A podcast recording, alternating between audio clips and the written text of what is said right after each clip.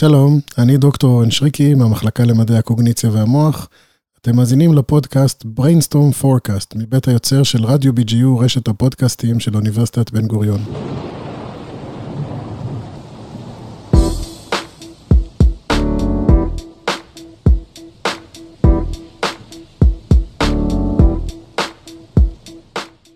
נפתח בסיפור אמיתי. ג'אן שורמן נולדה בשנות ה-60 במדינת פנסילבניה בארצות הברית. היא למדה ספרות באוניברסיטה, התחתנה, הפכה אם לשני ילדים, ופתחה עסק למחזות בלשיים בבית הלקוח. חייה נראו מושלמים, עד שב-1996 היא הרגישה שרגליה כבדות וחסרות תחושה. תוך שנתיים השיתוק הלך והתפשט בגופה של ג'אן, עד שהפכה משותקת מהצוואר ומטה. הרופאים טענו כי הסיבה לתופעה הנוראית היא מחלה ניוונית שהורסת את הקשרים בין המוח לעמוד השדרה, ולרוע המזל היא חסרת מרפא. במשך עשר שנים ג'אן הייתה מוגבלת לכיסא גלגלים, אותו הזיזה בעזרת הסנטר, עד שהצטרפה למחקר של פרופסור אנדרו שוורץ מהמחלקה לנוירוביולוגיה באוניברסיטת פיטסבורג, מחקר אשר שינה את חייה. במוחה של ג'אן הושתל שבב בגודל 4 מילימטרים, ובעזרתו היא תקשרה עם זרוע רובוטית, אותה הניעה בכוח המחשבה בלבד. כאשר ג'אן הצליחה להאכיל את עצמה בשוקולד בעזרת היד הרובוטית, היה ברור שיש כאן פריצת דרך מדעית חסרת תקדים. שלוש שנים לאחר מכן, היא כבר הטיסה בעזרת סימולטור מטוס F-35. אז ברוכים הבאים ל Brainstorm Forecast, הפודקאסט של קהילת ה BrainTech של בן גוריון. לי קוראים עמית ואני סטודנטית במחלקה למדעי הקוגניציה והמוח ובמחלקה לפסיכולוגיה, ואיתי נמצא דוקטור אורן שריקי, חוקר במחלקה למדעי המוח, מרצה בכיר ומייסד של קהילת ה BrainTech. אז רגע לפני שנתחיל עם הנושא של הפרק עצמו, שיעסוק בכל מיני טכנולוגיות מדהימות שקשורות בין המוח שלנו למחשבים, ולאן כל התחום הזה הולך בכלל, אשמח אם אתה תוכל להסביר לנו בכמה מילים מה זו הקהילה הזאת של ה BrainTech, בשביל אנשים שאף פעם לא שמעו עליה. היי, עמית. הקהילה הוקמה מתוך חזון לחבר אה, סטודנטים באוניברסיטה לעולם של טכנולוגיות מוחיות, כבר משלב הלימודים. לא צריך לחכות רק לגמור את הלימודים ואז להגיע לעולם התעשייה. ועולם הזה מתפתח מאוד, עולם הטכנולוגיות המוחיות, צצות חברות בכל העולם, בארץ במיוחד, חברות ענק נכנסות לתחום, וזה הזמן להיכנס אליו, ולכן היה מאוד חשוב להקים את הקהילה הזאת, לחשוף את הסטודנטים לעולם הזה של יזמות ושל אה, טכנולוגיות מוחיות בפרט. מה שאנחנו עושים בקהילה זה מקיימים מפגשים אה, חודשיים. פעם בחודש מגיע מרצה מעולם היזמות, מעולם הטכנולוגיות המוחיות, או מעולמות אה, אחרים שקשורים, של חקר המוח, ומציג לנו את הטכנולוגיות או צרכים שקיימים, כדי שהסטודנטים יוכלו להכיר את העולם ולהיחשף אליו. ובכל מפגש אנחנו משתדלים גם לעשות אה, פעילות אה, hands-on, פעילות אקטיבית של התנסות ושל היכרות עם טכנולוגיה מסוימת בתחום ואיך משתמשים בה. מעבר לכך, אנחנו מקיימים האקתונים, והיום כבר מעבר לרמה של אוניברסיטת בן גוריון, גם ברמה ארצית, יש קהילה ארצית, יש קהילות בעוד מקומות, ויש גם אירועים משותפים, ויהיו סדנאות שונות, ואחד הפרויקטים שאנחנו עובדים עליו עכשיו זה להקים אה, חלל של יזמות, שיהיו בו הרבה סוגים של ציוד אה, לעולם הטכנולוגיות המוחיות, ואנשים פשוט יוכלו לבוא אליו ולעבוד על הפרויקטים שלהם, מעין חלל מייקרים. ליזמות בתחום אה, של טכנולוגיה מוחית, ברינטק. Mm, מגניב, אז בעצם זה גם משלב הרצאות שאפשר ללמוד על כל הנושא הזה של המוח והטכנולוגיות, וגם משהו יישומי, ממש לקחת אליך לחיים שלך. אז נחזור לנושא של הפרק הזה של הפודקאסט, שאנחנו רוצים לדבר על התחום הזה של ממשק אדם-מחשב, שקוראים לזה BCI. אה, אז אם תוכל קצת להסביר מה זה בכלל, מי, ש... כן. מי שלא מכיר. אז BCI זה Brain Computer Interfaces, ממשק אה, מוח מחשב. זה אחד התחומים בתוך העולם של הנוירוטכנולוגיה. אז חשוב לנו לדעת שזה לא התחום היחיד, יש עוד, אה, עוד דברים שאפשר לעשות, שהם עדיין תחת עולם הבריינטק, אבל זה אחד הדברים שהם אה, מאוד זוהרים ומנצנצים למי שפונה לתחום הזה. ממשק מוח מחשב מאפשר לנו לשלוט ישירות באמצעות אה, מחשבה, באמצעות פקודות מוחיות בהתקנים שונים, בעכבר, במקלדת, במשחקי וידאו, ברובוטים. וממשקי מוח מחשב מבוססים היום על כמה טריקים, אפשר לומר, בסיסיים. בדרך כלל אנחנו מדברים על ממשקים לא פולשניים ובאמצעות אה, טכנולוגיה של EEG למדידת גלי מוח. יש מוגבלות מסוימת ל, לרזולוציה, עד כמה אפשר באמת לשדר פקודות מוחיות. אי אפשר לשדר כל מחשבה, אבל יש, בכל זאת יוצא משהו מהמוח שלנו, ואם אנחנו משתפים פעולה, יש כמה טריקים שמאפשרים לנו להעביר מידע. למשל, כשאנחנו מדמיינים תנועות של יד ימין, יד שמאל, או של הרגליים, מסתבר שיש לזה עדות אה, מאוד ברורה ב, בתחומי תדר מסוימים של גלי המוח, ואפשר להשתמש בזה, ליצור ממשק מוח-מחשב. ויש שיטות אחרות שמבוססות על למשל מידע ראייתי, כשאנחנו רואים איזה אייקונים שמעבבים בתדרים מסוימים, הם יכולים להפעיל גם פעילות מתאימה במוח, ואפשר לראות לאן אנחנו מסתכלים על המסך. Mm-hmm. ויש גם ממשקי מחשב פולשניים, שבאמת ממש פותחים בניתוח את הראש ומכניסים אלקטרודות למוח, כמו שעשו במקרה של ג'אן, mm-hmm. ממש לאזורים הנכונים, אזורים של בקרה מוטורית, ואז מאפשרים שליטה ברמה הרבה יותר גבוהה ממה שאפשר בצורה לא פולשנית, אבל okay. זה אוקיי. כמובן דורש את הניתוח. אז התחום הזה בעיקר מפותח מהבחינה של המוטורי, שאני אחשוב על, אני רוצה להזיז את יד ימין ורובוט יזיז את יד ימין, פחות לקרוא את המחשבות שלי עצמן? Um, הכל קיים. בעיקרון, mm-hmm. הדבר המרכזי זה לעשות איזשהו ערוץ לתקשורת. בין המוח לעולם החיצוני. למעשה, נגיד אדם שהוא חולה במחלת ניוון שרירים, מה שחשוב לו קודם כל זה התקשורת. אחר כך, אם הוא יכול גם לשלוט על יד רובוטית, זה יהיה נחמד, אבל קודם כל שהוא יכול להעביר איזשהו מסר. והממשקים בעצם, זה כל מיני טריקים. ברגע שיש לנו דרך להוציא מידע מהמוח, אנחנו כבר יכולים לחבר את זה למה שנרצה. אז היום זה בעיקר אה, כמה טריק, טריקים כאלה, שגילינו שיש איזה שיטות מסוימות שאפשר להוציא יותר בקלות מידע מהמוח, ותמיד אנחנו משלבים אלגוריתמים של למידת מכונה, שמתאימים את הממשק לכל בן אדם באופן אישי, ואפשר אחר כך לתרגם את זה באמת אה, למה שרוצים, אם זה זרוע רובוטית או תנועה של עכבר, זה כבר פחות משנה. הבנתי. אז נניח התחום הזה, הוא בעיקר יכול לעזור לאנשים עם כל מיני מחלות או בעיות או דברים. כן, נכון להיום, בעולם הלא פולשני, הוא עדיין יחסית מוגבל, כך שהוא לא יכול להציע משהו שבאמת יעניין את האנשים שהם בריאים. מי שיכול להשתמש בעכבר, מקלדת, בג'ויסטיק של מחשב, אמ, קשה לפתות אותו עם ממשק מוח מחשב. למה לשים איזה מערכת של גלי מוח על הראש בשביל שאפשר יהיה לשלוט במה שאנחנו קוראים, נגיד, 3-4 דרגות חופש. דרגות חופש, כלומר, כמה כיוונים. Mm-hmm. בממשקים פולשניים אפשר לשלוט גם ב-10, 12 ויותר דרגות חופש. Okay. אוקיי. אמ, של זרוע רובוטית, כלומר במפרקים שונים, באצבעות וכולי, mm-hmm. אבל אה, כאמור, לבן אדם רגיל, גם הממשק הלא פולשני הוא עדיין לא מפתה מאוד, ולכן עיקר ההכוונה של התחום היא לעזור לאוכלוסיות אה, חולות, לתקשר ולשלוט בדברים. אוקיי. אתה יכול לספר על מה שקורה במעבדה שלך? יש לך מחקר ממש מעניין בנושא. אז אנחנו עובדים, עובדים גם על סוגים שונים של ממשקי אה, מוח מחשב בהקשר הרובוטי, אבל אה, אחד המחקרים שאנחנו משקיעים בו הרבה בתקופה האחרונה, הוא דווקא מיועד לחולי אפילפסיה. זה פחות ממשק מוח מחשב לשליטה במשהו, המטרה היא דווקא לנטר, לנטר את המוח ולזהות כשעומד להיות התקף אפילפטי ולהתריע, כדי להוריד את החוסר ודאות, להוריד את החרדות. אה, היינו עדים לפני שבוע-שבועיים לתאונה מאוד קשה שהייתה בחדשות של בחורה שנדרסה ברכבת הקלה בירושלים, כן. ובעצם חטפה התקף אפילפטי שגרם לה אה, לאובדן שליטה מסוים, ולכן היא נפלה ונדרסה. ואם הייתה יכולה לדעת על ההתקף הזה מראש, זה עשוי להציל את החיים שלה. במקרים אחרים, גם אם זה לא מסתיים אה, במוות, זה יכול להסתיים בדברים מאוד, אה, מאוד קשים. ו... בעצם פיתחנו אלגוריתמים שמסוגלים לנטר את המוח של חולי אפילפסיה, ומאומנים לזהות uh, תבניות של פעילות שמתרחשות בשעה שלפני התקף. יכולות להתריע בדיוק מאוד מאוד גבוה להתקף שמתקרב. עכשיו אנחנו מנסים לראות uh, כמובן את הפרקטיות של זה. בדקנו וראינו שבאמת אפשר לממש את זה עם מעט אלקטרודות באופן יחסי, ושיש אוקיי. okay. כיוון שאולי נוכל ממש לייצר מוצר שיעזור לחולי אפילפסיה.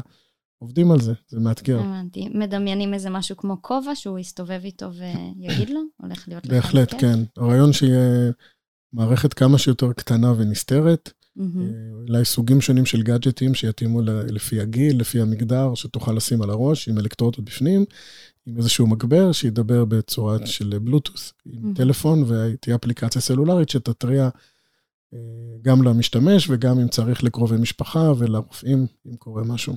מדהים. אז באמת, מהסיפור שתיארנו בהתחלה על ג'אן, אז אה, סיפרו שהיא הטיסה בעזרת אה, סימולטור, היה סימולטור טיסה, והיא הצליחה בעזרתו להטיס. איך התחום הזה התקדם בחמש שנים שעברו מאז? זה היה עוד כן. ב-2015. אז בעולם הפולשני, mm-hmm. יש התקדמויות באלגוריתמיקה, יש גם התקדמויות בעולם של החומרה.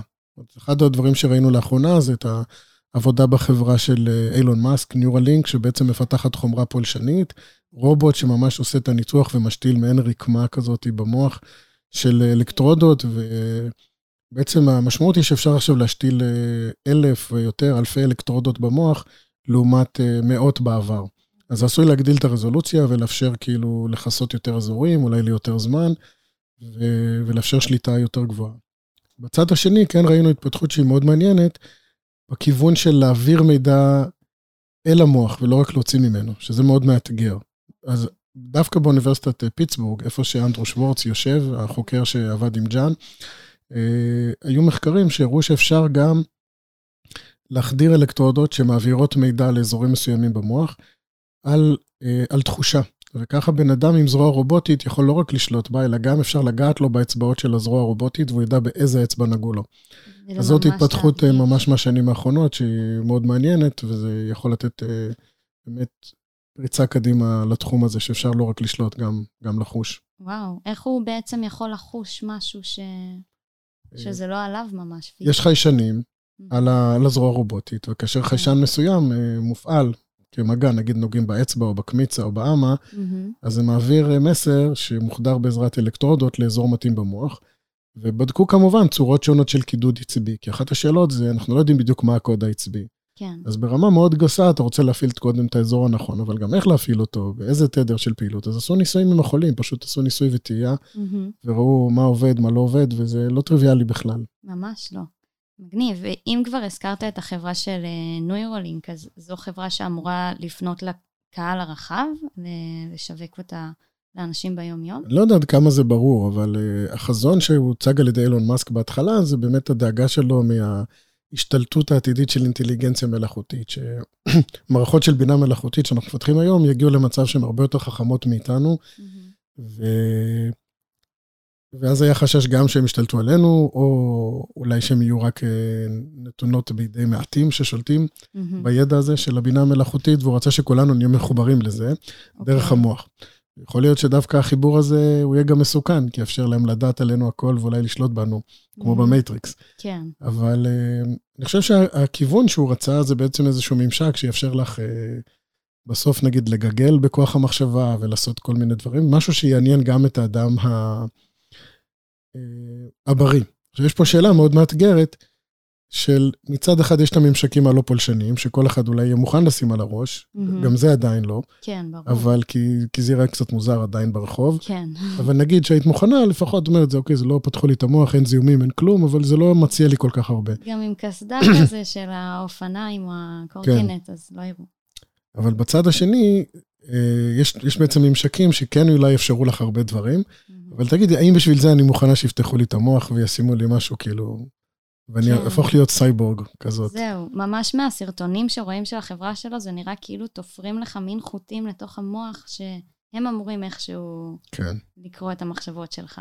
אין לי ספק שיהיו הרבה אנשים שכבר יעמדו בתור וירצו אולי דברים כאלה, אבל הם לא הרוב. כן, הם לא הרוב. וכרגע באמת אנחנו באיזושהי צומת דרכים, איזשהו mm-hmm. צומת דרכים.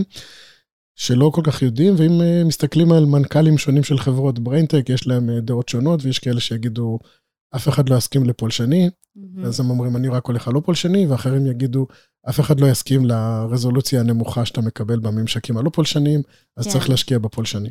אוקיי, okay. מתי לדעתך איזה טכנולוגיות בכלל שיגיעו לקהל הרחב, הדבר הזה? אמ, שאנשים יעזבו את הפלאפונים שלהם ופשוט יוכלו לשדר אחד לשני זה משהו שאנחנו בכלל יכולים לדמיין שזה יכול לקרות.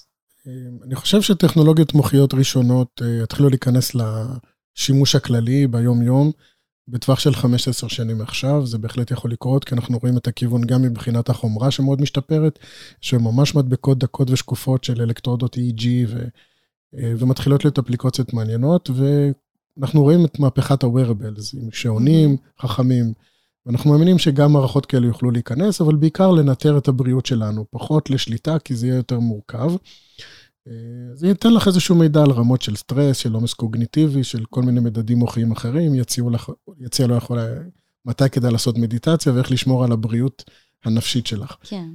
ממשקי מוח מחשב לשליטה ייקח קצת יותר זמן להערכתי, אבל זה, זה בפתח, זה אפשרי. השאלה היא באמת האם יאמצו את זה, ואיזה בעיות מוסריות יעמדו בדרך. כן. יהיו אתגרים, וקשה מאוד לחזות את העתיד, אז אני לא רוצה להתחייב ולא להתנבא על כלום. בטח. כאילו, אם היום חושבים על הסוגיה של השליטה הביומטרית, הרבה אנשים לא רוצים לתת את הטביעת אצבע שלהם בכלל בגלל החשיפה הזאת, אז מה הסיכוי שאנשים בכלל ירצו שחברות יחזיקו בדבר הזה? נכון, כאילו...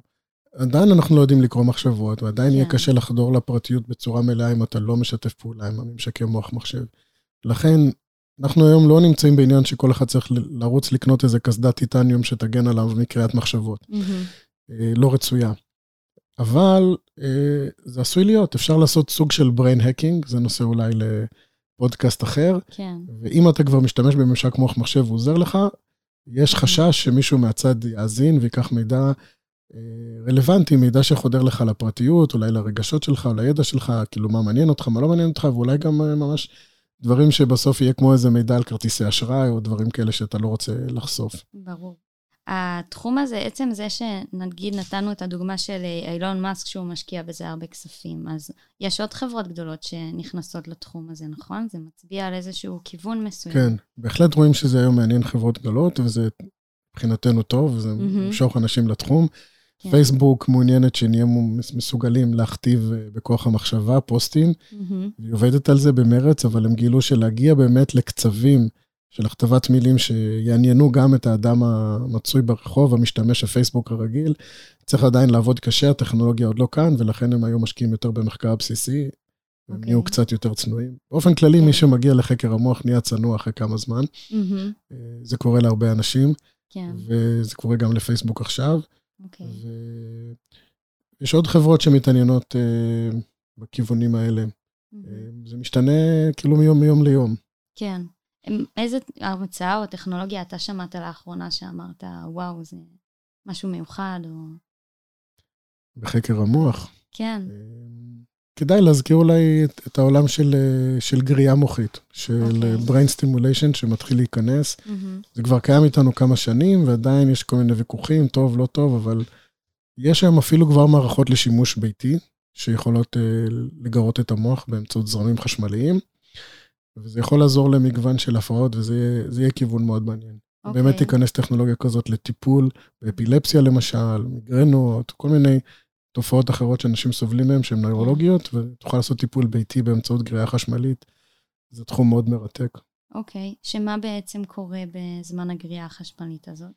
אמ, זאת שאלה מאוד מאוד טובה. okay. אוקיי. יש עליה הרבה ויכוחים, כאילו, yeah. כן. מדובר בזרמים חשמליים קטנים יחסית, 1-2 מילי אמפר, כאשר דרוש אמפרים שלמים לחשמל בן אדם. אוקיי. Okay. ידוע שאחוז ניכר מאוד מהזרמים האלה לא חודר בכלל למוח. Mm-hmm. אבל הטענה היא שאיזשהו אחוז קטן משפיע, אם לא על המוח, על הקרומים שלידו, ובאיזשהו אופן עקיף משפיע על, בסופו של דבר על פעילות עצבית, mm-hmm. על דברים כגון המאזן בין אקסיטציה ואיניביציה. אוקיי. Okay. וזה יכול לעזור, לעורר או להשתיק פעילות באזורים מסוימים, ולעודד פלסטיות ושיקום, תהליכי שיקום של המערכת.